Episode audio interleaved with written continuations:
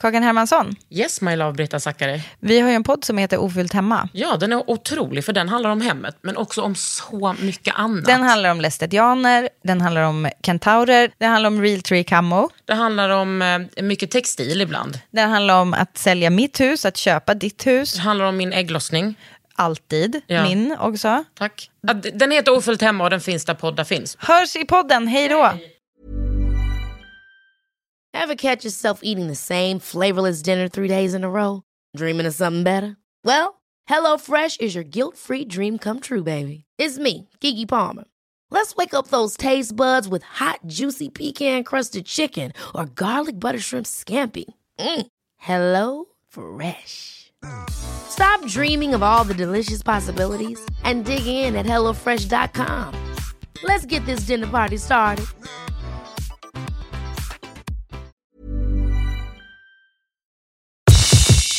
Det här är en podd från L. Nina Campioni. Bakgrunden till Vattnet går. Och ja, men hon är gammal modebloggare som liksom blev mer kanske personlig bloggare. Hon är här idag och den här karamellen har jag sugit på länge.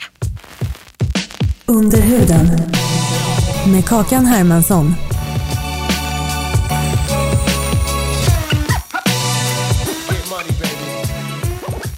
Nina Campioni. Vadå shit? Ja, men jag blir lite nervös. Du är ju i podd hela tiden. Ja, men det är ju alltid jag som intervjuar Precis, den andra. nu är det the other way around. Oh, yeah. Vet du vad, när jag tänkte så här, ah, nu ska jag intervjua Nina och vi, det är liksom, vissa karameller suger man ju länge på och den här karamellen exakt. har jag verkligen sugit på. Men då tänkte jag så här, när fan, när fan träffade jag dig? Men du har liksom alltid funnits Ja, med. intressant. Ja, men vet du vad, när jag tänker på dig. När jag, när jag Intressant säger jag mig själv. Interest, ja men det får man göra. Eh, jag tror att jag liksom, jag minns dig från typ någon sån modevecka utanför Berns en vinter. Alltså kanske att det var där jag typ mer Såg ah, en uppenbarelse? Där kom en uppenbarelse ner från den där trappan. Men som att jag bara, där är Nina. Att jag bara, nu vet jag vem hon är. ja. Ja, det var bara det jag ville Jag säga. vet inte heller när vi liksom träffades första gången. Det enda jag kan minnas, eller så här, minns att jag, i eller de första gångerna vi träffades Mm. så var jag lite nervös. För att du vet som man kan vara när man har någon sådär, oh jag vill att hon ska tycka om mig känsla. Och det gjorde jag ju. Ja, det Det var va? inte svårt. Gud, vad Nej. skönt. Gud, vad Men alltså jag undrar, hur kom din eh, modekarriär igång? Säger man så? Ja det gör man ju. Ja det kan man väl kanske säga. Ja. Den var extremt eh, omedveten och extremt icke målmedveten. Mhm. Ehm, jag hade ju inga som helst planer på att jobba med mode. Eh, whatsoever. Jag pluggade journalistik och medieproduktion och även så digital journalistik vilket var väldigt nytt då. Jag är ju Åh, ganska Gud. gammal. så att jag, jag, mitt mål med livet då var ju att bli liksom, sportjournalist. Mm. Jobba på fotbolls-VM och sådana grejer. Ja, och du älskar Manchester United. Ja, exakt. Hur sjukt var det att ditt, din kille ville att, ville att era barn skulle heta Uni och Ted? det hade ju kunnat bli för att ni fick i, dem, i den ordningen också, en tjej och en kille. Exakt. Nej men så konstigt. Ja. Ja precis, vi fann ju varandra. Det var, det var nog en av de första gångerna vi pratade. Vi träffades någon gång på något radio, någon radio på P3. Och så kom vi fram till att vi båda gillade Nemanja Vidic. Åh. Någonting sånt var det. Skitsamma. Nej men så då var ju det mitt, mitt mål. Så jag började så på P4, Radiosporten. Ja, så. du var där och nosade liksom. Mm, jag var faktiskt där och nosade lite. Sen fick jag ju chansen att, eh, att jobba, alltså, alltså jag förstår än idag inte riktigt hur jag kunde få det här jobbet. Men jag fick, alltså, liksom, jag fick ett jobb som producent i, på P3 i Malmö och jobba med P3 Hiphop, alltså Jason, eh, Timbuktu. Jason. Och eh, Hej Hej Domstol som på den tiden var mitt favoritprogram. Ja, alla jag kategorier. älskade det. Med Kristoffer... eh, Ja, nej, Vad heter han? ehm, Vad heter? Kalle, eh, Kalle, Valle och eh, Ola hette de. Det Eller känns- Jesper Rönndahl var Jesper med då. Rönndahl menar jag. För Valle var föräldraledig. Så det var Jesper Rönndahl som ju är megastjärna idag. Jättekul. Det kändes som att de bara tog tre kompisar från typ Spiken i Exakt Lund så var det ju. och gjorde ett radioprogram. Japp, exakt så, Mm, ja, var det. så var Och det var så roligt. Det var så kul. Det Hette det, hette det Hej domstol eller Ja. Hej Hej domstol? Nej, hej domstol. Sa jag hej hej? Det var för jag tänkte på Hej, hej hej. hej vardag. Som jag Ja, men alltså, hej domstol. Hej domstol. Om ni inte har lyssnat på det så hoppas jag att det finns på något slags öppet arkiv någonstans. det Otroligt roligt. Det, det är humor. På skånska. Ja. Finns det något bättre? Nej. Så där liksom, sa jag lite så här, tack och adjö till sportvärlden. För det blev så kul med liksom... Vänta, vänta, vänta. Har Nej. du producerat Ja. Peter Hiphop? Ja. Vet du jag har första Peter Hiphop inspelat på kassettband? Är det sant? Mm. Är det sant? Vad roligt. Ja, den hade jag med mig när jag sen tågluffade i flera månader och lyssnade på det om och om och om igen. Kommer att de tog upp bra. beefen med Eminem och någon annan jävla rappare där. Vad sjukt! Ja, det är faktiskt alltså så här i efterhand. Men sen ska man obs säga också att jag var ju då helt nyutbakad och livrädd. Skulle träffa, mitt första så här riktiga jobb var att jobba med freaking Timbuktu Ja. liksom och en svincool DJ som heter Amato. Ja. Eh, som dessutom var så jävla snygg. ja. Eh, Men du fick en så- egen italienare sen. Ja, det löste sig. Men vilket år var det här? Det här var då mm, 2005, 6 någonstans Mm, där. fanns det så länge? Mhm. Wow. Det var kanske bara det sista året där jag körde det i graven. Ja. Nej men det, var, det blev lite så här typ Jason och, och Amato bara så här, vi ska spela de här låtarna. Vi tänkte åka till New York och spela in, det går bra va? Och jag bara, ja absolut, det går fint. Det går, jag kan bara sitta här och administrera. Alltså det var inte som att jag kom med några grand liksom. Nej. Nu ska vi prodda det här programmet på det här pratar vi viset. lite västkust eh, på 90-talet. Ja, precis. Exakt. Men hade du liksom bakgrund som att du hade lyssnat på rap? Ja men det hade jag. Ja. Alltså det var ju mitt liksom. Jag, var, jag har alltid varit någonstans mitt emellan rap och rock typ. Eh, en konstig mix kanske. Eller kanske inte så konstig men. Eh, men jättemycket rap. Verkligen. Bra. Ja, det är ju det bästa. Ja, och R&B. Definitely. Vadå, Men då bodde du i Malmö? Då bodde jag i Malmö. Mm. Underbara Malmö. Kan jag sakna ibland faktiskt. Nej men eh, gud, long story short. Eller Mm. men nej, alltså, long story long. tid, Oh my God, vad. Nina. Vad skönt. Ja, här kan du bara chilla. Ja, vad bra. När nosade du på mode då? Jo men och sen så blev det då så här att jag, eftersom man på radio då jobbar i säsonger, eh, liksom, Mm. så eh, kom, blev, blev det ju en sommar och då var det lite så här, okej ska jag jobba med något sommarformat här i Malmö eller ska jag så här, ta ett sommarvecka upp i Stockholm över sommaren bara. Hade du pluggat i det Stockholm? Kalmar faktiskt. Kalmar. Kalmar. Lammtorget. Ja, gud vilken bra dialekt. Tack. Jag har bott på Öland. Ja, Mm. Det faller sig naturligt. Men vänta, när bodde du i Kalmar? 2001 till 2005. Mm. Jag bodde där 2002-2003. Vi var mycket på. Underbar, där på Underbara- Landtorget. Ja, ja, ja. Underbar. Ja. Där det blev svettigt så det blev kondens i Ja, taket. där var Där vi var det bra jämt. musik. Där var det så, för där Allt spelade bra. Urban Legends som var typ ett så här, några unga hiphop eh, och så här reggae-grabbar. Det var Då så har vi bra. säkert varit kul. på samma klubb. Vad sjukt. Ja, det var också Och det var också lite after hours. De hade öppet lite längre än man fick. Tre. Ja, Mm, en timme senare. Ja, men, ja, jag tror det. Sen så tog man den goda bussen 35 minuter hem till Ölands Skogsby. Öland. Fy fan. Ja, då bodde jag ju ett stenkast från Lammtorget. Alltså. Kul för dig. Gud vad jag inte kunde sätta den Lammtorget. dialekten som du I all. Förlåt, nu avbryter jag det med mina det- egna små det- anecdotes. Men de följer sig liksom. Vi har ju levt parallellt skulle man kunna säga. Mm. Precis. Ja. Ja, vad gjorde jag sen? Jo, nej men då. Och grejen var så här att när jag var i Malmö så här. Först när jag var i Kalmar och sen när jag var i Malmö så var jag så här. Jag ska inte bli en sån där som åker till Stockholm och jobbar med media. Du vet, jag skulle göra karriär i Malmö och liksom så här. För alla, det blev ju så att de Ja. flesta åkte till Stockholm. För här Mm. finns ju flest jobb naturligtvis. Eh, men jag hade någon slags, nej, Stockholm, jag ska vara annorlunda, jag ska vara så. Sen så åkte jag i alla fall då till Stockholm på det här vicket. Och jobbade bland annat med Özz och Bobo Krull Mm. på något format där. Eh, Alltså otroligt. Bobo fucking krull. Alltså, är, alltså man, han är så mytomspunnen att man inte ens vet om han är en person. nej, nej, lite så är det. Ja. Men väldigt eh, ja, intressant människa. Mm. Otroligt mjuk i, i det lilla formatet. Liksom. Mm. I alla fall, kom hit med tanken att jag ska bara vara här i två månader. Sen var det ju så här jordens som- sommar. Det var fotbolls-EM och det Ah. var liksom sol, typ som förra årets sommar Mm. var ungefär. Alltså så bra. Det gick inte att lämna det här stället. Det fanns inga barn att tänka på. Det fanns ingen man att tänka Exakt. på. Du det levde livet. singellivet och det var fest och Ja. dans och så. Och alla var snygga. Ehm, det, så jag stannade här. Började jobba på morgonpasset. Ah, som producent? Nej, då var jag redaktör om Mm. jag inte minns fel. Ja, men man hoppar runt på lite olika stolar där.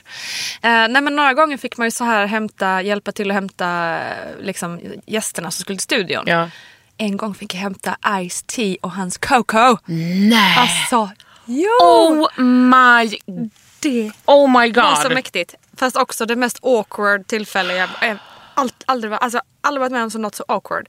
Jag bara gick dit och bara lite nervös. Så här, bara, shit, hur, ska man, hur ska man ens tilltala Hello Ice-T? Ice, säger Coco. Men också att de var på väg till morgonpasset. Ja. Det är sjukaste jag hört. Tillsammans, Fan liksom. skulle de göra det? Nej, Skulle jag de vet då... inte ens vad de pratar om. Jag De pratade det. säkert om sin show. Show menar jag. Alltså Ice-T, de hade ju en just det, sån de reality. Mm. Hade. Det var kanske det de var. Just. Men var så, ja, så, så luddigt. Att de åkte på en sån Mhm. liten promoturné, det chockerar mig. Och så stod vi i hissen. Ingen sa någonting. De hade ju även ett entourage med sig av tre biffiga killar typ. Och jag stod där och bara, vad fan, jag kan inte kallprata med Ice-T Du hade ju kunnat prata om, med Coco om hennes röv. Ja, Det hade jag ju aldrig vågat. Coco, Hade du gjort det? Ja, 100%. I'm, I'm such a big fan. How did you get your ass? Nej, vet du vad? Det är naturligt. Röven är naturlig. du? Men jag menar, vad skulle man säga om hennes rumpa menar jag? So funny. I'm so happy for you. What a blessing. Uh, You're Ja. so cool. So happy for you. Ja, man kan ju inte gå tillbaka nej men i det tiden. var, eh, det var s- svettiga minuter i den där hissen. Jag bara kände att nej, nej det är så jobbigt. Men där har man ju pikat också. Vem annars kan vara sjukare att hämta och Eller stå i hur? en hiss med? Eller hur? Alltså OMG. Ja. Det var verkligen så. Verkligen. Det var, och det var där du kom in på mode. Det var där jag kom Coco in på har ju en Coco. sjuk stil, alltså. Ja, det har hon, det har hon. Nej, men i alla fall. Det var lite trist att jobba på, i Radiohuset vid den tiden. Det blev alltid jobbigt för att det är så här. Ska man få en anställning ska man inte. Jobbar man på Nej, det kontrakt ska man inte. inte. Du vet så. Det var mycket las. Det var mycket. Det var bara. Så vi var ett gäng där på morgonstudion som bara, äh, fuck this shit, nu slutar vi. Så jag eh, hade tidigare haft kontakt med Aftonbladet.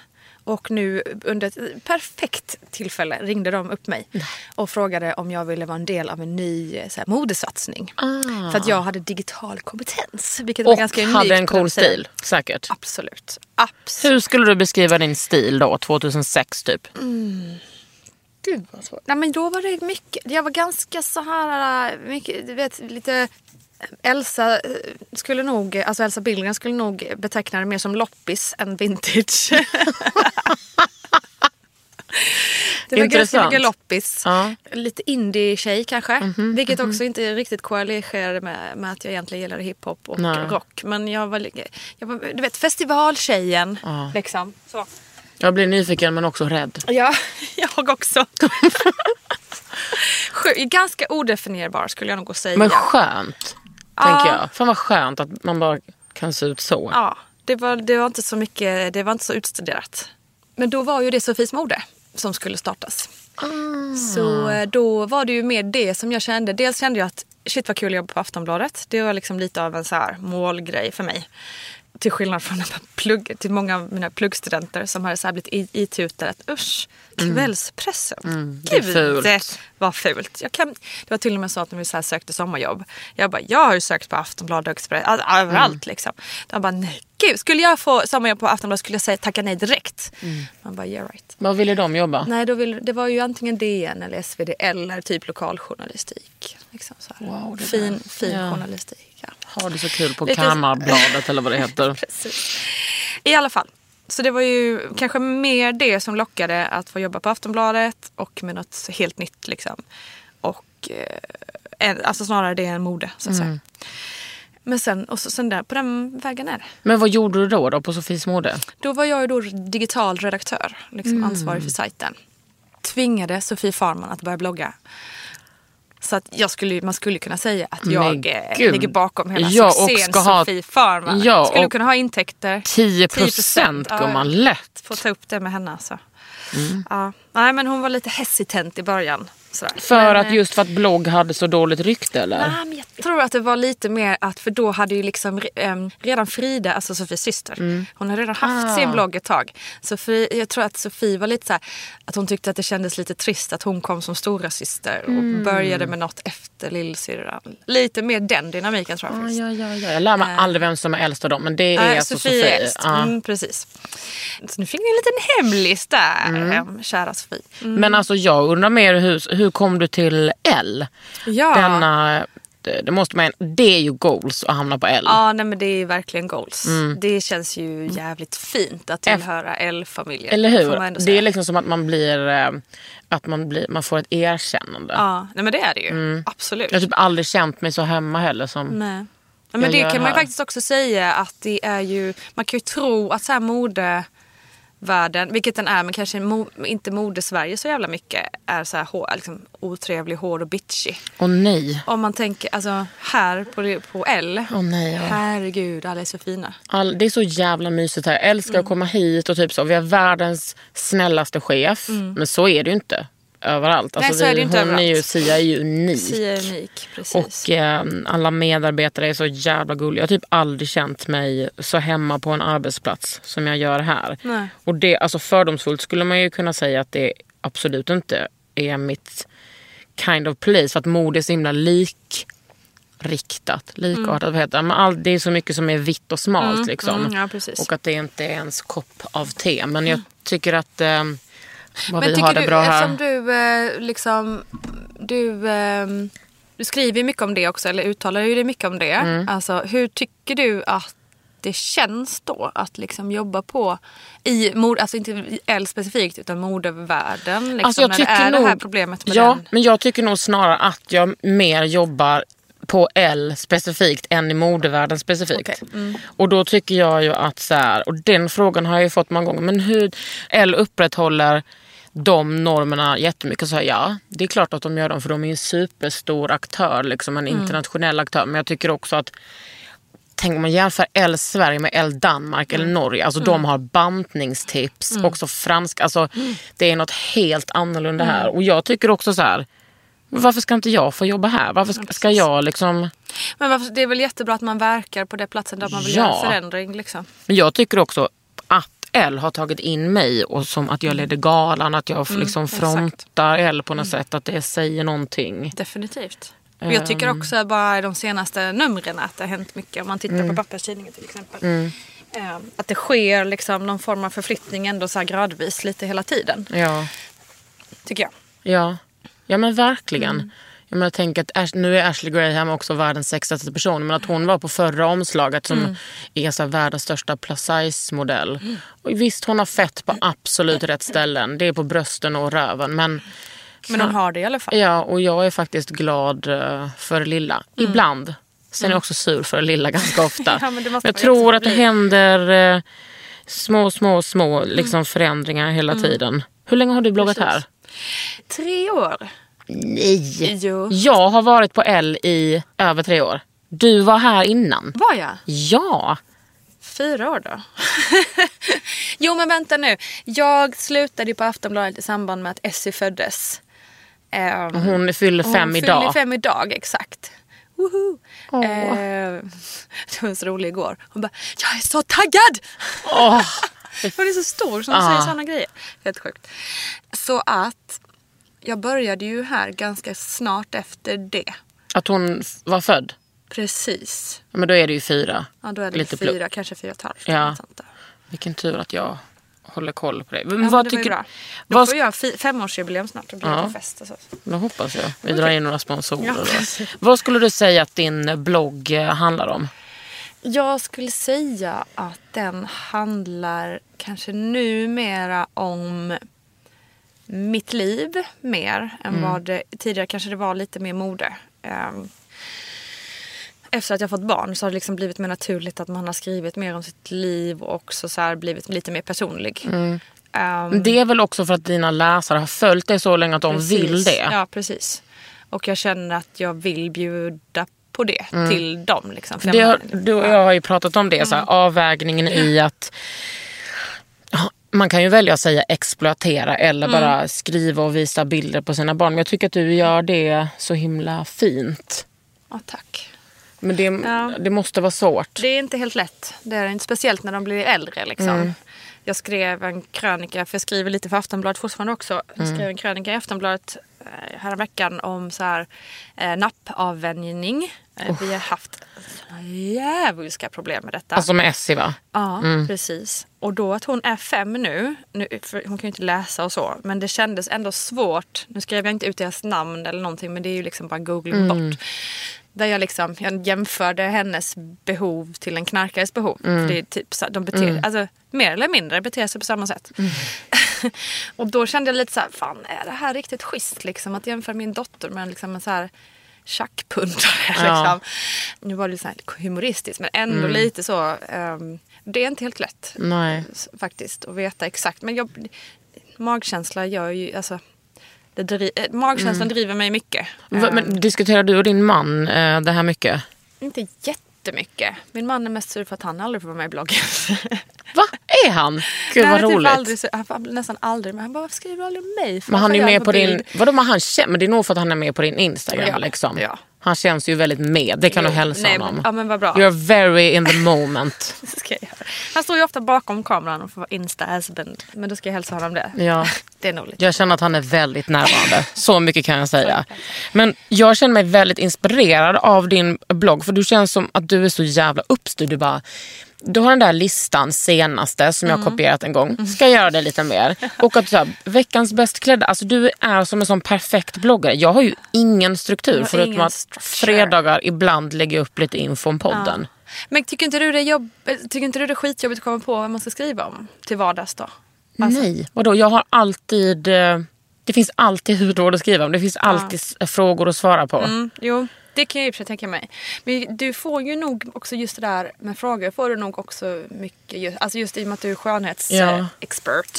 Då, då, kommer du, då svämmar du över i frågor som du alltid kan ta. Ja, men det är också många frågor som jag inte kan svara på. Alltså typ, jag, kan, jag är skitdålig på att svara typ om eh, typ så här rosacea. Mm. Det är några som har frågat om det. Då känner jag mig liksom så himla dålig. Jag bara, nej.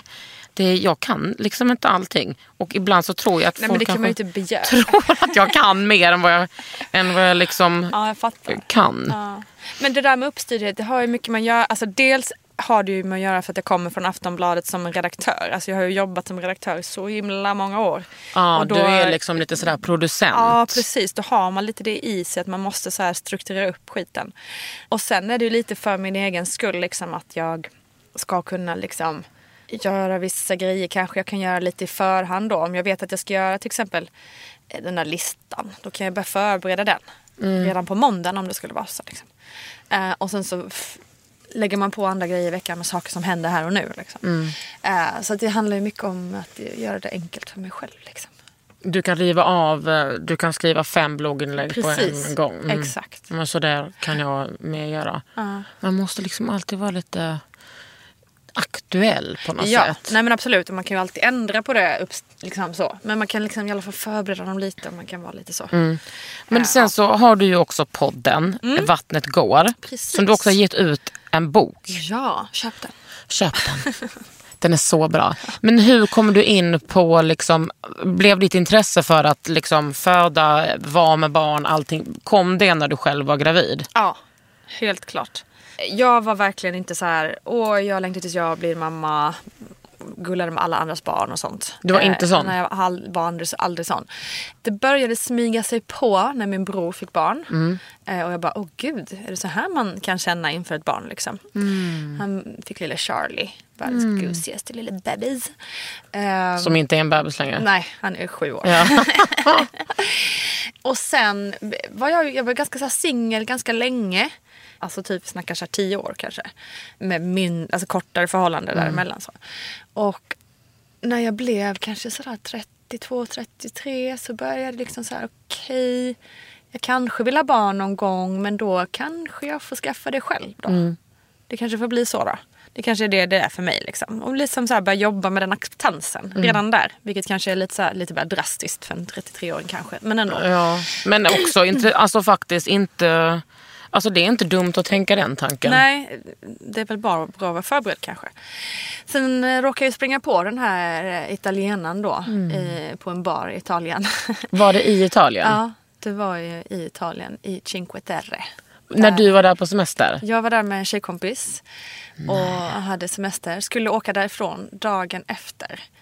Och vi körde bil, alltså bilade runt i Italien. Så vi var så här, vi tar det jävligt lugnt ikväll. Liksom. Vi ska upp tidigt och köra bil. Så.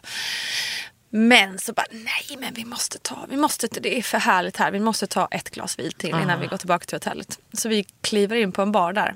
Och då står han i baren och är liksom bartender där. Fy fan vad sjukt. Så sjukt. Och han liksom det var någonting direkt. Vi kände liksom någon kontakt. Nej. så vi bara, oh, vi går och sätter oss i baren. Och så började han fylla på. Vi beställde ett glas vin men det tog aldrig slut. Det. Nej. Han bara fyllde på. Liksom Trodde han att först att du var italienska? han trodde att jag var mexikanska. Intressant. Var- Jag har hört många eh, olika liksom, eh, länder och Mm. härkomster på mig genom åren. Aldrig mexikanska faktiskt. Men, ja. Nej, och sen så pratade vi hela kvällen där. Vi blev fullare och fullare naturligtvis. Det var ju hans plan. Mm. så vi var ju kvar där tills det stängde plötsligt. Och sen så fortsatte han och jag att sitta. Vi, vi tog en vinare och gick till havet och satte oss och Nej, pratade hela natten. Och då visade det sig att han var ju inte bartender egentligen utan det var hans kusins bar, bar som vi var i. Och han bodde i Schweiz då. Och bara, han var bara där hemma på semester och hälsade på sin mamma och pappa och skulle också åka hem dagen efter. I Monterosso? Ja, precis. Så vi hade ju en jävla tur att vi träffade varandra den sista kvällen. Tur. Du, I call it written in the stars. Ja. Wow. Ett år senare bodde han i Sverige, jag var gravid, vi var förlovade. Jävlar vad snabbt det gick. Det var liksom min känsla. Jag bara, va, vänta har inte ni träffats precis? Ja, det gick Shit, det är så, så jävla fort. coolt. Det gick så fort. Men vad gjorde han i, i Schweiz? Han... Eh, alltså, ah, fråga mig inte. Han är Key Account Manager. Vad fan betyder det? Nej, det vet är helskotta. Han styr lite över några sälj, någon säljgrupp. Och det kan han göra Och det överallt? kan han, precis. Han jobbade ju där och satt där. Men sen så när han då ville flytta till Sverige så sa han "Sk- antingen slutar jag ju då eller så kanske jag kan göra det som konsult på konsultbasis från Stockholm. Och det gick hans chef tack och lov med på. Alltså ni har ju en perfekt liksom upp, På upplägg. Som bra. kanske blir lite mer störigt när Essie börjar skolan. Ja, exakt. Vi blir lite mer bundna då till en plats. Men Mm. nu är det ju så pass att vi ska åka till Italien om en vecka ungefär. Och ska vara där två månader. Nej. För då kan vi båda jobba därifrån. Men, men nu har du ju precis varit där ett tag va? Ja, vi var bara en vecka. Ja. Svärmor fyllde, fyllde år. Åh, det var så fint när ni överraskade henne. Då Ja. grät jag. Kolla på det klippet flera gånger. Ja, det var fint. Mm. Nej, men det är ju skitlyxigt. Herregud. Jag kan, det är ju som man får nypa sig i armen Mm. emellanåt. Så att liksom förstå att man har... Det sjuka är ju att när jag var fem år så eh, berättade jag till mina föräldrar att jag, när jag blir stor, ska jag gifta mig med en italienare och bli servitris. det var mitt mål som femåring. Ändå ganska nära. Jag är jävligt nära. Men inte och jag servitris. skulle ju kunna bli servitris. Det vet man ju inte. Men nu håller du på med ditt bloggande Nina. Ja, det jag håller på med ja. ett tag till tror jag. Nej men så, så var den storyn. Vad Eh, fint. Vad, det är vad lite sjukt. Du, någon gång på bloggen så skrev du om så kulturkrockar med att vara gift med en italienare. Mm. Kan du inte berätta lite om det?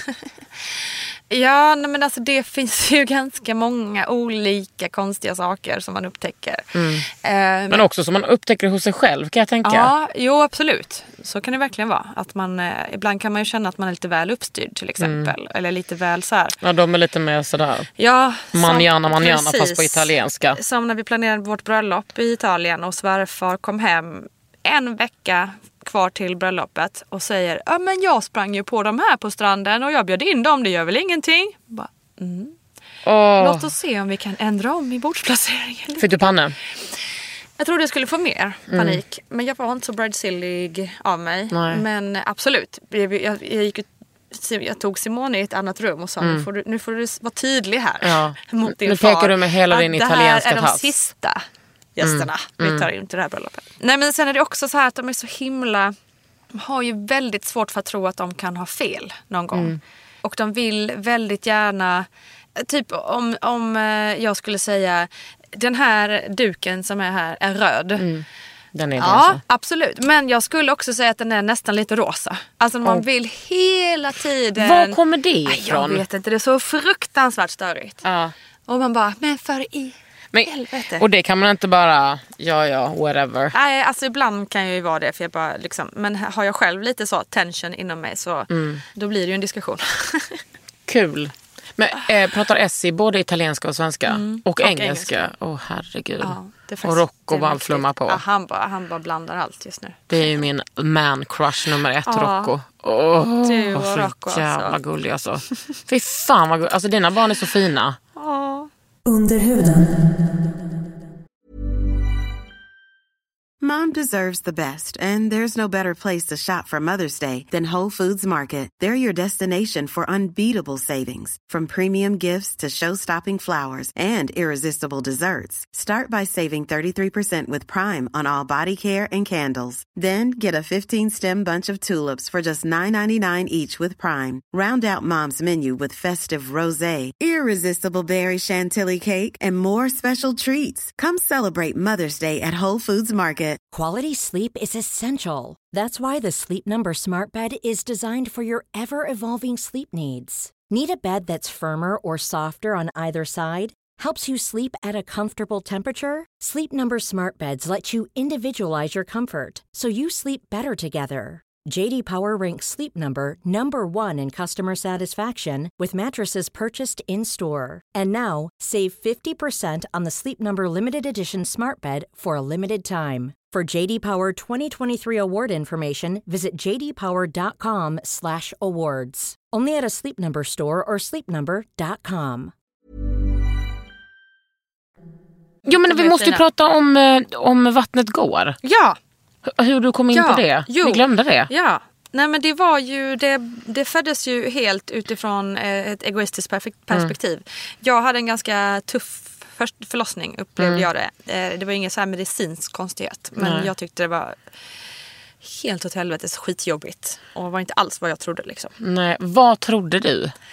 Jag trodde att eftersom jag är en gammal fotbollstjej och minsann har fått smälla både här och där och liksom opererat korsband hit och dit. Och det här fixar jag. Liksom. Åh, det, här, det här är liksom, jag såg det som en match. Jag såg det som att fy fan, jag är stark, det här ska bli spännande.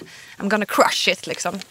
Fan vad det känns som att många har den inställningen. Ja. Att, att man, alltså det är klart att man kan påverka en förlossning men att man säger så här, det här ska jag ta. Mhm. Man bara, vet du vad? Easy does it. Exakt. Men då var det ju verkligen så att då fanns, eller i alla fall upplevde inte jag att det fanns någon, någonting som sa, eller någon liksom, som sa hur, hur, hur otroligt olika det är. Och det kanske det absolut fanns, men man fattar inte det. Men det som var, det som var alla föräldrautbildningar och allting var ju liksom, ja men så här går en förlossning till från A till Ö och till B till C och så. Ehm, Latent fas. Ja men exakt, man går igenom de här faserna och sen är det så. Och ja, det fattar man ju att en utbildning måste ju beskriva ett ganska så här Ja. normalförlopp. För man kan ju inte gå igenom alla tusentals olika sätt det kan hända. Men jag tycker man saknar lite av det här med förväntningar. Eh, och liksom hur man ska jobba med förväntningar. För förväntningar är fan ta mig satans moster höll jag på att säga. Alltså egentligen i allt. Man har förväntningar på personer, man har förväntningar på sin familj, man har förväntningar på resmål. Och sen oftast är ju de lite unreal kanske. Så det är någonting som man kanske behöver tänka på lite överlag. Att man kanske inte ska förvänta sig så otroligt mycket av allting. Nej. Eller Eller kanske inte. en realistisk förväntning. Men lite, lite mer realistiskt tänk kanske kan vara bra. Ja, en alltså, Mm. gnutta. Sen kan man ju få drömma och alltså, det, jag vill inte direkt kräkta in på den. Men när det är liksom eh, speciellt med saker som man aldrig upplevt tidigare. Ja, och Då, speciellt liksom- en sak som, det är ju flest kvinnor som föder barn. Mm. Men att det är liksom, och när jag säger det så menar jag att eh, det finns faktiskt transmän och intergender som Mm. också föder barn. Nej, men att det, då är det ju så typiskt att det är som någon sån välbevarad hemlighet. Mm. Eller att man inte pratar tillräckligt mycket om det. För att, Mm. ah, allting som har med så här, kvinnor att göra på det sättet är ju Precis. åt helvete eller jag får säga. Det är ju det. Och det var väl där, då kände, och så, så här, efter då att jag hade varit en ganska jobbig förlossning så bara, då kände jag sånt behov av bara ah, älta det här om och om igen och lyssna på andras förlossningar och sånt. Och då tänkte jag, varför finns det ingen podd som gör det här? Så då startade jag den. Fan vad eh, bra gjort alltså. Ja, men nu i efterhand så känns det ju jättemäktigt. För att då var det kanske då, som sagt, det föddes ur någon slags eh, eget behov. Liksom. Men den har ju mer utvecklats till att vara just det som du var inne på. Att här har vi en plats där kvinnor får prata om sina kroppar och om sina känslor och hur man mår. Och om bajsa på sig, om vätskor, om mens, om missfall, om abort. Om sprickor. Om allt. Ja. Och allting är okej, ingenting är pinsamt, ingenting är oviktigt. Och liksom den har blivit, om du börjar i någon slags självterapi så har den blivit liksom politisk. Mm. Och det tycker jag känns så jävla mäktigt. Ja, det är det finaste vi har, Nina. Det är otroligt med en sån podd. Och också att man kan säga, ja men varsågod, det ska du fan ha. Att det liksom kan hjälpa så himla många människor oavsett om man har fött eller ska föda eller vad man är i den processen. Och också tänker jag anhöriga. Precis. Hur många avsnitt har du spelat in? Jag tror det ligger på någonting med, det är nog snart 70. Någonting sånt. Wow! Så det har ju blivit ett gäng nu. Ja. Vad längtar du efter att, ehm, att ha för case liksom, i din podd? Jag längtar efter att ha någon som kanske fött med hjälp av surrogat. Eh, och jag skulle tycka det var spännande även med något par som adopterar kanske. Man får med lite i processen. Eh, för vi, även om vi pratar ju eh, graviditet och förlossning så är det ändå liksom målet att få barn. Som är liksom det gemensamma. Och sen på vägen dit kan det ju se olika ut liksom. Har du träffat Silla Holm? Nej. Nej. Hon har varit med i den här podden. Mm. Hon har ehm, efter många, alltså hon har gjort typ fem inseminationer, fem IVF. Mm. Så fick hon höra om en klinik i Ryssland där man kunde göra barn, höll säga, där man kunde få en äggdonation Mm. och spermadonation. Så hon har fått barn så. Och fick barn liksom på första försöket. Ja men det är hon som har också en podd. Ja, ja, ja. jag vill ha ja. barn. ja, ja, ja. Okej. Precis. Just det, hon måste ju vara med. Jätteintressant. Ja, verkligen. Men det, det är ju liksom spännande det här med surrogat. Jag har ju så himla tydlig åsikt om vad, jag, vad jag tycker om det. Liksom. Men samtidigt så när det väl, eh, när det väl har hänt och det finns ett barn, då blir det liksom en annan... Ja, och men alltså, jag är intresserad också hur man brottas med de här tankarna. Liksom, eh, det starka behovet efter barnlängtan kontra den moraliska aspekten i det hela. Jag tror att det skulle bli ett intressant program. Men har du hört att det finns en otrolig eh, dokument, eller liksom ett reportage om det på det är nog inte P3 men det är på Sveriges Radio. Om ett par, om det, är de skåningar eller smålänningar som liksom använder sig av en surrogatmamma i Georgien kanske. Det är det mest avskräckande jag har hört i hela mitt liv. Spännande, måste jag kolla. Ja. Och sen så har du säkert läst Varat och varan ja, av Ekis. Ekman. Nej, det är ju en jätte ja, obehaglig bransch om man nu kan kalla det det. Det, kan är man- det ju. Ja. Ehm, Men det skulle inte förvåna mig om det blir lagligt i Sverige faktiskt. Alltså, Ja, nej men jag just nu är liksom lite inte, det är väl egentligen de, det är ju jättemånga aspekter inom barnafödande som vi inte har hunnit ta upp i podden än. Men just de lite mer ex- extrema grejerna eh, känns ändå intressant. har du typ någon så här summa summarum eh, om en eh, förlossning? Som du skulle kunna säga så här, det här är typ det, det vanliga. Att man är, är så oförberedd att man får en chock. Mm, nej, det vanliga är nog just det här med förväntningar som jag var inne på. Att man förväntar sig något och så blir det något helt annat. Men vad förväntar man sig? Man förväntar sig nog att det ska ske som, som i skolboken. Liksom. Det, man går in i den här fasen och den varar ungefär sex timmar. Och Sen börjar det göra lite ondare och då ringer man in och man klockar verkarna. Och sen så kommer man in och då kanske man är fem centimeter öppen. Och sen, ja, du vet, Gud, så. ja. Eh, Det förväntar sig nog ändå de, de flesta. Men jag får ju ganska mycket mail från lyssnare som tack vare podden har förstått Ja, på ett annat sätt. det tror jag med. Att det händer så, kan hända så mycket olika saker. Men det skulle jag nästan säga är gemensamt för många. Alltså framförallt då förstföderskor. Liksom. Mm. Och sen en, en gemensamt för, för väldigt många ändå, vilket är sorgligt, eh, men jag förstår den ju och relaterar till den otroligt, är ju förlossningsrädsla. Mm. Det är så många som är rädda för förlossning. Ja men alltså tro fan det att det ska liksom ut någonting från din punani eller från ett hål i magen. Alltså, Det är typ en helt ov, overklig känsla. Ja visst fan är det det. Också för att det är kvinnor som gör det. Så har det liksom, nej, men snälla då, ni behöver inte så mycket smärtstillande. Nej, exakt.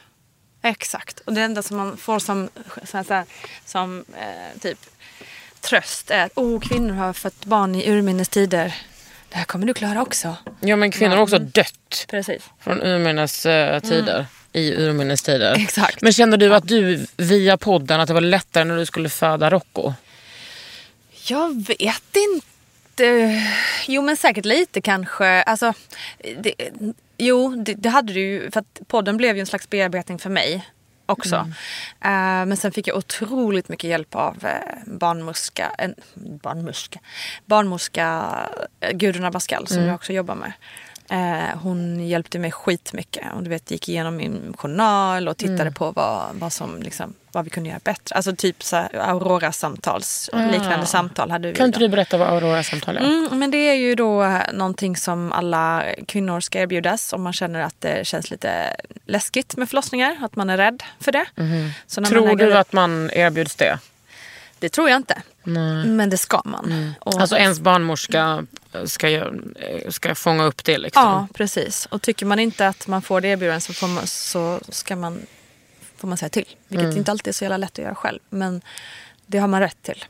Och då är det ett samtal med en barnmorska helt enkelt. Mm. Och då pratar man, ofta kan det ju vara då som i mitt fall att man har haft en jobbig förlossning och behöver liksom hjälp att komma förbi den och liksom kanske lägga upp en plan för Mm. den kommande förlossningen. Eller så är man ju jätterädd innan man ens har fått någon förlossning. Men då kan man också så här kanske definiera rädsla. Så det blir lite av en barnmorsketerapeutsamtal. Men Liksom. vad, gjorde, vad skulle du säga att du gjorde annorlunda med Rocco? Alltså dels var de ju, och det här är ju räddningen också för många, dels var de ju totalt olika förlossningarna. Alltså de startade på olika sätt, de förlö- förlöpte helt annorlunda. Så därför kändes det ju redan från start att okej men det här blir ju inte riktigt samma ändå. Vad var det som var Ehm. läskigt med Essis förlossning? Det var ju att eh, hon, ingen av eh, varken Essie eller Rocco var fixerade. De var inte fixerade, alltså inte hade, hade inte åkt ner tillräckligt långt med sina Aha. huvuden i liksom apparaten. Men de hade vänt sig? De hade vänt sig. Men det var fortfarande lite tid kvar. Eller liksom de satt högt uppe. Och så gick vattnet med Essie. Och då måste man åka in om de inte är fixerade. För då kan de liksom hoppa runt där Vilken vecka var du i då? Nej, jag hade gått över tiden. Wow. Ja. Och så eh, kom vi in och då blev jag först typ inlagd två kvällar eller två nätter på BB vilket var ganska nice. Det var ju så här, det var, jag hade inte ont eller något. Det kändes som att bo på hotell lite. Liksom. Och sen blev jag igångsatt för verkarna kom inte igång av sig själv. Och det var det som var liksom för mig då. Det, alltså så vidrigt. För då var liksom, då hade man inte fått en enda verk. Plötsligt fick man verkar som var liksom, alltså de var så, det var liksom pang. Det gick från noll till hundra liksom? Exakt. Och det, jag blev så jävla rädd och bara spände hela Hade kroppen. de så här. inte informerat dig om det? Nej, det skulle man kunna säga att de inte hade. Den lilla detaljen? Ja, exakt. Och det går ju också att smyga igång det. Alltså Mm. det går ju att smyga igång en förlossning. Man behöver inte ge max dropp på en gång liksom. Och det var ju det liksom, Gudrun också upptäckte här. Att här kanske det var lite, gav lite för mycket och liksom, ja lite så. Så då kunde man ju lägga liksom, ribba efter det om man säger. Och med Rocco var det precis tvärtom. Jag fick lite verkar när jag var på väg att gå och lägga mig på kvällen. Hade det lite så hela natten. Precis som så här latensfasen Mm. som ska vara. Sen gick vattnet och vi åkte in i lugn Det är, och ro. det är väl rätt, det är väl bara en av tio där vattnet går? Mm, och jag har fått det på båda. Helt sjukt. Och det var bara så här lugnt hela vägen. Och liksom, det gjorde ont absolut. Men det var ändå så här, und- allt var under kontroll. Jag kände att jag var med, jag kunde prata, men jag fattade vad som hände. Med Essie var det bara så här, ah, verk, verk, det är ont. Någon, någon kommer med en spruta, okej, aj, ah, mm, ah, Mm. Men fick du panik. epidural på Essie? Ja, det fick jag. Skönt. men allting var i tucken liksom. Men det hjälpte inte heller 100% och det var, ah. Men Det gud var vad ganska vidrigt. Det var ganska vidrigt. Och jag var väldigt traumatiserad efter det faktiskt. Med Rocco var det bara så här vips upp på bröstet och kärlek och hela den där grejen som man hör. Fick inte Essie komma upp på ditt bröst? Jo, absolut. Men då var jag så, du vet, jag var så här bara, uh. Men det känns rätt vanligt tycker jag. Att många har en, den, den första förlossningen är skitjobbig. Ja. Och sen andra så har man liksom... Men jag tror lite så här, om man säger av alla förlossningsberättelser jag har lyssnat på nu då genom åren så är, känns det lite gemensamt det här att liksom oavsett hur första förlossningen har gått, den kan ha gått liksom exakt enligt ett textbook och varit bra liksom. Eh, så är det lite av ett trauma man går igenom första gången för att det händer så jävla mycket. Det, du går igenom någonting du aldrig varit med om. Du känner en smärta du aldrig har känt du får plötsligt ett barn och bara hela den, bara shit, alltså att ha ansvar över ett barn, bara den liksom. Det är väl det att man är så jävla hjälplös. Exakt. Utelämnad till personer man aldrig har träffat innan. Ja. Kanske, det beror på också vad man har för relation till sin partner. Men jag har ändå hört så här, "Åh, jag vill inte bajsa framför min kille. Nej. Att liksom... Ja. Nej, men det är så många parametrar som ska in i de här korta liksom, eh, sekvenserna som händer. Plötsligt bara poff så har man ett barn. Och, man, och bara hela hur mycket som översköljs över ändå. Plus alla hormoner. eh, så det är, jag tror att liksom, det är något av en chock oavsett hur det första barnet kommer tror jag. Som man måste bearbeta faktiskt. Eh, Också så här rädslor av att inte knyta an. Och, Precis. Ja, men du vet, allt det där. Det är så coolt att du, att du med din podd har liksom hjälpt så himla många. Ja, det är fantastiskt. Ja. Det är så jävla kul. Det är också så roligt att man så här, jobbat med mode i typ 11 år eller någonting. Ett ganska så här hyfsat medialt ämne och du vet pratat med mode, om mode ganska Mm. eh, på SVT och hit och dit. Men det är ju nu- sen podden startade som plötsligt folk är så här, stannar mig på gatan liksom. Mm, Det, är, så, fint. privat. Och, Ja, mm. det är så fint. Vad fint att folk vågar säga det. Men det känns också nu med Instagram att det är så här, att direktkontakt kan bli så... Absolut. Det är så himla mycket lättare. Mm. I salute you Nina Campioni. Men tack vad du är gullig. Vad hette du innan? Johansson. Ja, det är inte dumt heller med dumt Det har något. Det var, ja, det var inte så jättesvårt att bestämma det skulle, om jag skulle byta eller inte. Hallå, du är liksom ändå... eh, Alltså, du har alltid varit en beautyperson för mig. Tycker du? Ja, Varför då? för att du är så ekologisk beauty. Ah, mm, Alltid när man så här, du har ju, skriver ändå om det lite då och då. Mm, jo, men det gör jag. Nu får du verkligen, på, i den här bloggen, eller säger, den här podden, får du gärna berätta för mig om dina rutiner. Mina rutiner. Det här är lite, det är lite kul att du tycker att jag ändå är lite beauty. För jag ser mig som väldigt dålig på beauty. Egentligen. Fast jag har ju blivit väldigt intresserad på senare år. Men fram till att jag var typ 30 så var jag en sån som typ vaskade lite vatten och tvättade mig med vanlig tvål. Precis, för du har aldrig haft några problem. Nej, jag har aldrig haft några problem Nej, faktiskt. Då blir det så. Ja, det Själv har jag precis klämt två finnar i hissen. Man kan ju inte låta En, bli. en innan min calzone och en efter min calzone. Jag bara, vad fan är det här? Det är därför det luktar lite pizza. Lite pizza. Ja. Men du är väl ändå Ehm, liksom intresserad? Jo, men sen, precis. Sen efter 30 då var det precis som att det började gradvis stiga på. Det var det här, åh, man kanske behöver börja använda ögonkräm. Mm. började känna mig lite trötta, lite sådär, liksom, Mm. huden. eh, Ja, men det hände någonting där. Ännu mer efter man fick barn naturligtvis. Mm. Och sen också faktiskt då med utvecklingen av den ekologiska beauty-sidan. Att det har kommit så mycket mer. För det har liksom du alltid varit intresserad av. Ja. Visst är du nosar lite på att vara vegan ibland? Ja, Mm. men precis. Ja, vi, vi har ju hyfsat veganskt hushåll hemma. Mm. Så vi äter veganskt. Även italienaren faktiskt. Helt galet. Wow, Trodde jag aldrig. Men eh, det, det gick. Eh, vi, vi fuskar ju lite med parmesanost och så. Men men eh, man måste ju låta sig hållas ibland. Jo men precis, jag har, all, jag har ju det med mig från, bak, liksom från upp- uppväxten att miljö och natur är liksom en av våra viktigaste eh, grejer. Och, ehm, Är det från dina föräldrar? Mm, precis. Eh, jag är uppvuxen på landet. Ma- Mamma framförallt är väldigt eh, liksom, intresserad av natur och miljö. Och ja, ja, men du vet, vi har varit med i Strövarna och Lufsarna, Friluftsfrämjandet, allt det där. Mysigt. Ja, jag gillar det. Och eh, då har det liksom bara, det har bara kommit naturligt. Och nej, men också det här att jag tycker liksom att det är mycket, alltså kan man undvika vissa gifter så, kan, så gör man det. Liksom. Och då, när det liksom, eh, jag känner också lite så här då ansvar att eftersom jag ändå är intresserad så tycker jag att då kan väl jag vara den som tipsar om sådana saker när det kommer och liksom att det finns. Eh, för det behöver inte heller, jag tycker inte heller att det ska vara så här pekpinneaktigt utan Nej. bara rent så här upplysning. Hej, ni, det här finns också. Det är Ja. också bra liksom. Nej men det var inte det jag skulle svara på, det var ju rutinerna. Ja, men det får plats i rutinen, den Jag är informationen. ganska bra på att lägga ut orden som Ja. du märker. Är det så fel? Nej. Nej tack, det var ju bra det. Nej men rutiner, då, nej men det var ju det jag skulle komma fram till. Att det har ju då byggts på. Det fanns inte mycket av rutin back in the days. Men nu är jag ju ganska så här. Eh, jag brukar använda, vill du ha liksom märke också då? Absolut. Allting.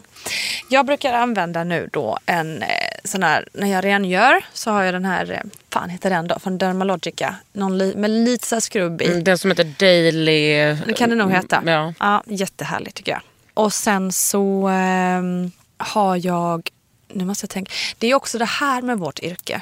Att man får ju ganska mycket grejer. Fruktansvärt mycket. Bara under den här poddtiden vi har suttit där har det ringt två bud. Vi har liksom ingen portkod längre på vår port. Nej, det är ju lite absurt faktiskt och jag tänker gissa att du får väldigt mycket mer beauty än vad jag får och beauty, eh, jag har så mycket grejer. Men då blir det också så att, ja, det låter ju som att det här är ett slags problem. Det är ju jättelyxigt att man får så mycket saker. Men eh, det blir ju då att man också vill, vill testa alla de här grejerna så att man blir inte direkt eh, super, eller jag blir i alla fall inte så här, eh, men det är väl också för att jag inte har en pro- problemhy. Då kan jag testa olika utan att det blir någon större katastrof. Men man blir inte superlojal. Nej, lojal är inte jag. Men liksom. jag är däremot jävligt noga med Noga. att jag använder nästan slut på allting. Ja, det gör jag också. Ja, ja, det gör jag definitivt. Men sen så är jag så här, jag delegerar ut. Hon har torr hy, hon Ja. Mm. har atopisk hy, hon har fet hy. Så att jag liksom, Det är bra. ja, Jag brukar också ha med mig lite goodiebags när jag går på kalas. gud ja, alltid. Det är bra. Eh, åter till rutinen. Sen använder jag, och nu, nu är det, ska jag också säga att jag använder ju inte bara ekologiska grejer men jag brukar välja det framför något Ingen annat. skugga ska falla på dig Nina. Tack, tack, tack. Jag använder eh, just nu Ole Henriksens Banana. Eh, Bright. alltså den är så bra, ögonkrämen. Åh. Den är så bra. Den har jag på dagen och Ja. sen har jag en annan på kvällen. För att på dagen så den har ju pytte, pytte, pytte, pytte, pytte typ glow i sig. Precis. Och den luktar så jävla gott. det.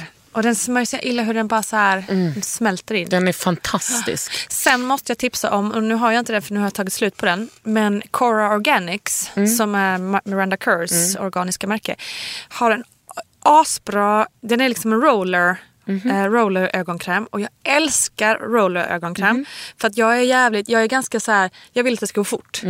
Och då funkar det inte riktigt att stå och ha dutta i en halvtimme med ögonkräm på den. Halvtimme, Nina. Nej men du fattar vad jag menar. Kämpigt. Det känns som Ja. att det tar en halvtimme.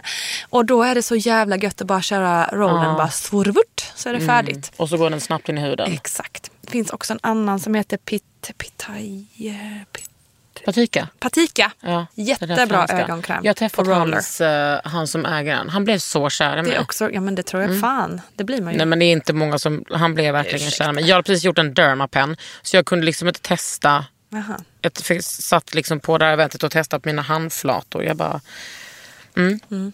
De har också De bra är bra, ögonkräm. jättebra. Och även var, alltså jag gillar det märket överhuvudtaget. Mm. Eh, väldigt, väldigt bra grejer. Vad gör jag sen? Sen ibland om jag orkar så brukar jag ha typ Veleda eh, mandelolja eller någonting. Mhm. Bara få olja in lite. Kanske oftast att jag tar det på natten i och för sig. Jag Mm. tycker det är gött. Och sen har jag just nu också en Ole Henriksson Day Cream. Jag vet inte vad den heter. Är den där Lila förpackning. Aha. Ja, ja, ja, ja. Nurture Me. Nurture me, det är den du har. Mm. precis. jag gillar han, alltså han är så, en så rolig person alltså. Alltså, vi var ju på den där middagen Ja. eh, med honom båda två. Ja, på han, Baga. ja, precis. Han börjar ju typ med att berätta en massa hemligheter om Hollywoodkändisar som Ja. han hade liksom, haft hand om deras hud. Ja men alltså det var så mycket grova sexskämt. Alltså det var så mycket... Och vad snackade om någons kropp? Vem var det? Det var någon killes kropp. Ja, bara, men "Oh." också att han har inte hållit sig borta från solen. Nej gud, han såg ut som han doktor Mikael TV4. Ja, men han kanske hade i och för sig gjort en spraytan, vad vet jag. Ja, men han såg ju, Men inte, han han var- såg han- inte ut som har den bästa, bästa huden om man ska vara helt ärlig. men han är liksom väldigt, han var väldigt rolig. Han var jä- väldigt Mm. karismatisk. Men har du foundation och sånt? Ja, ja, det har jag lite. Fast jag brukar inte så här täcka hela ansiktet. Nej. Jag brukar dutta under ögonen och så här runt näsan. Och Kritiska ställen. typ. Och då är det också det där med att jag inte har någon liksom, specifikt märke. Men just nu är det L'Oreal. Sen har jag ju också börjat gilla det här med ögonbryn. Eller det Ah, har jag ju I förstått på väldigt gammal, gamla dagar. Att, Du- ögon, att man kan fixa till ögonbrynen. Ja, du har så snygga brynor. Men men nu har du alltså, det precis som ett- sparat ut, eller hur? Ja, exakt. Så nu ska jag dit nästa vecka igen och fixa det. Är, men, är du hos Felicia? Nej, Lina. Li- ah, ja, ja, Lina, just det. Mm, Makeup by Lina. Ja. Så duktig. Alltså det är ju som, det är som att en helt ny värld öppnar sig för mig. För jag har alltid haft mycket ögonbryn. Jag har Ja. haft, på högstadiet hade jag unibrow liksom. Ah, snyggt. S- Snyggt! Ja, Med jag- unibrow. Ja. Alltså ett, aha. Nej, det jag inte älskar jag. det. Skojar du? Men det är klart att man inte älskar det om man Nej. har det. Jag tycker det är, alltså jag vill ju, jag tar ju sånt serum här i mitten för att jag vill ha lite mer. Du vill ha mer där? Herregud. Nej, det Ingenting var som är ju- så snyggt som stora ögonbryn. Ja, det håller jag med om. Mm. Det håller jag med om. Men nej, jag vill inte ha unibrow igen. Men då har jag, växt, jag har väldigt mycket hårväxt. Så jag har ju liksom plockat hela mitt liv och sådär. Men inte riktigt kanske fattat att oj, man kanske skulle gå och fixa dem hos Mm. någon. Eller fattat, jag förstår att det finns. Men jag har liksom inte prioriterat det. Sen gjorde jag ju det en gång då hos Lina. Och jag bara, men skämtar du? Är det så här man kan se ut? Mm. Men fix, nu är jag hon låter liksom, du har låtit växa ut och sen så ska du... Så först, ja, precis. först så låter jag det växa ut och så shapear hon ju till det. Mm. Och färgar. Och liksom klipper den lite också. Mm. Ehm, och sen så håller ju det sig i tre, fyra, ja, tre veckor i Mm. alla fall. Snyggt som fanken. Vaxar hon det? Mm, nej, hon plockar. Mm. Men du ska fortsätta plocka, du ska inte växa Mm. ut så att du får ännu fylligare. Nej, men nu är nog tanken att de ska vara så här ungefär. Mm. Tycker du att de ska vara ännu fylligare? Alltså jag vill ju alltid, alltså det här, jag, jag gör ingenting med mina bryn. Nej. Förutom att jag har sånt serum på så att det ska, de Men ska du har bli jättefina tjockare. bryn. Men de, nu, jag skulle behöva färga dem lite. Ja. Ehm, jag skulle Jag fyller i vilja, dem lite där bara. Vad sa du? Jag bara fyller i dem lite där. Ja, jag skulle vilja, vilja ha lite mer, alltså lite stökigare typ. Jag skulle kanske vilja typ förstora brynen lite. Mm. Men sen är det bara så här, gud det där orkar inte jag. Jag är liksom också- rätt lat när det Ja, kommer till beauty. Det är det jag också Ja, vilket Ja, är dåligt när man är precis. beautyperson. Du vet, jag har, går aldrig på några ansiktsbehandlingar eller Ja, det gör jag. tjottafräs. Nej, men det lägger jag aldrig varken tid eller peng, tid Nej. eller pengar på. Nej, men precis. Lat med det är jag. Alltså jag längtar liksom inte tills jag ska gå, gå hem, alltså att jag ska tvätta av med mitt smink på kvällen. Det kan jag ju för sig göra nu för tiden. Jag tycker att det är kul. Men det är sen jag började tycka att det är kul med de här produkterna. Mm. Som jag inte tyckte innan. Nu tycker jag att det är roligt att använda den där Dermalolica-skrubben Mm. och bara rrr, och sen lägga på liksom serumet och hålla på liksom. Har du ingen SPF Nina? Jag vågar inte erkänna det för dig men jag har ju inte det. Men hur ska du då? Överleva. Och, ja, nej men det får du faktiskt skaffa dig. Alltså, nu, nu finns det förmodligen lite SPF för din foundation. Ja, det kan det göra. Mm, men det kan vi inte nöja oss med. Vill du ha tips? Ja. Två i ett. Coola har makeup spray med S- SPF 30. Psh, psh, psh. Sprayar du på det kan du också fylla på helt eh, superlätt under dagen. Coola. Ja. C-O-O-L-A. det är Alltså, liksom en gammal surfare i California som har startat det för att båda hans föräldrar som också hade varit surfare. Eh, nej, de hade inte varit surfare, de hade fått hudcancer. Alltså som följd av att de inte hade smort in sig, smörjt in sig. Han startade det. Nej men alltså jag är ju, och det här är ju något som jag inte vågat prata med dig om tidigare. Eftersom du är sån advocate för det här. Ja, är du soldyrkare? Nej det är jag inte. Alltså jag har helst, liksom, sitter helst i skuggan och har, liksom, har hatt och keps Mm. och så. Så jag är inte sån som går och pressar. Men jag, alltså inte ens i Italien så smörjer jag ju in mig egentligen. Men Nina, okej men jag ska inte... Alltså, Men det är, ju- för att jag är lite rädd för SPF. Jag tänker att det här är en sammansvärjning. Att det är så här, nu är det så här SPF-lobbyn som har lobbat Nej, in nej, att nej, vi ska alla köpa deras produkter. Nej, alltså solen är så jävla skadlig. Ja, jo det vet Alltså den ju. är så fruktansvärt skadlig. Alltså vi har ju, alltså back in the days, när då kanske man inte behövde smörja in sig för att vi inte hade det Mm. ozon, alltså att vi hade ett ozonlager som, lager som skyddade. Men nu har vi ju inte det på samma sätt. Jag, Mm. Nej, det, du har rätt. Du har rätt. Ja. Jag, är- Speciellt dina barn smörjde väl in? ja, men de smörjer jag in Ja. faktiskt. Och vi är ju inte ute på de här liksom, critical hours Nej. i Italien. Nej, men jag, alltså alla blir så, nej förlåt. Jag bara, alltså, det, du ska inte säga förlåt till mig, du ska säga förlåt till din egen hud. Ja, jag För vet. att det är också så här, om man bränner sig en gång när man är ung, Mm. eller det räcker med att man bränner sig en gång. Det, en enda skada kan bli Mm. eh, hudcancer. Och hudcancer är en sån jävla farlig cancer för att den kan ge metastaser Mm. på, ja, men, liksom ganska lätt. Och det är så Mm. fult också med ärr i ansiktet typ och sådär. Nej, men du har rätt. Jag ska, ska skärpa mig på detta. Jag lovar. Kolla på Det den blir där. min hemuppgift. Det blir det verkligen. Men du, nu har vi liksom suttit här en goda timme. Shit, har vi det? Och jag, oh, herregud, och jag känner att jag har bara svamlat. Ja, har det- du fått ut någon rutin av mig överhuvudtaget? Ja, men det har jag nog fått. Herregud. Du har lyssnat på Under huden med mig, Kakan Hermansson och Nina Campioni.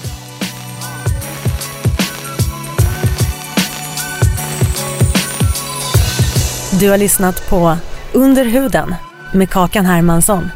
En podd från L.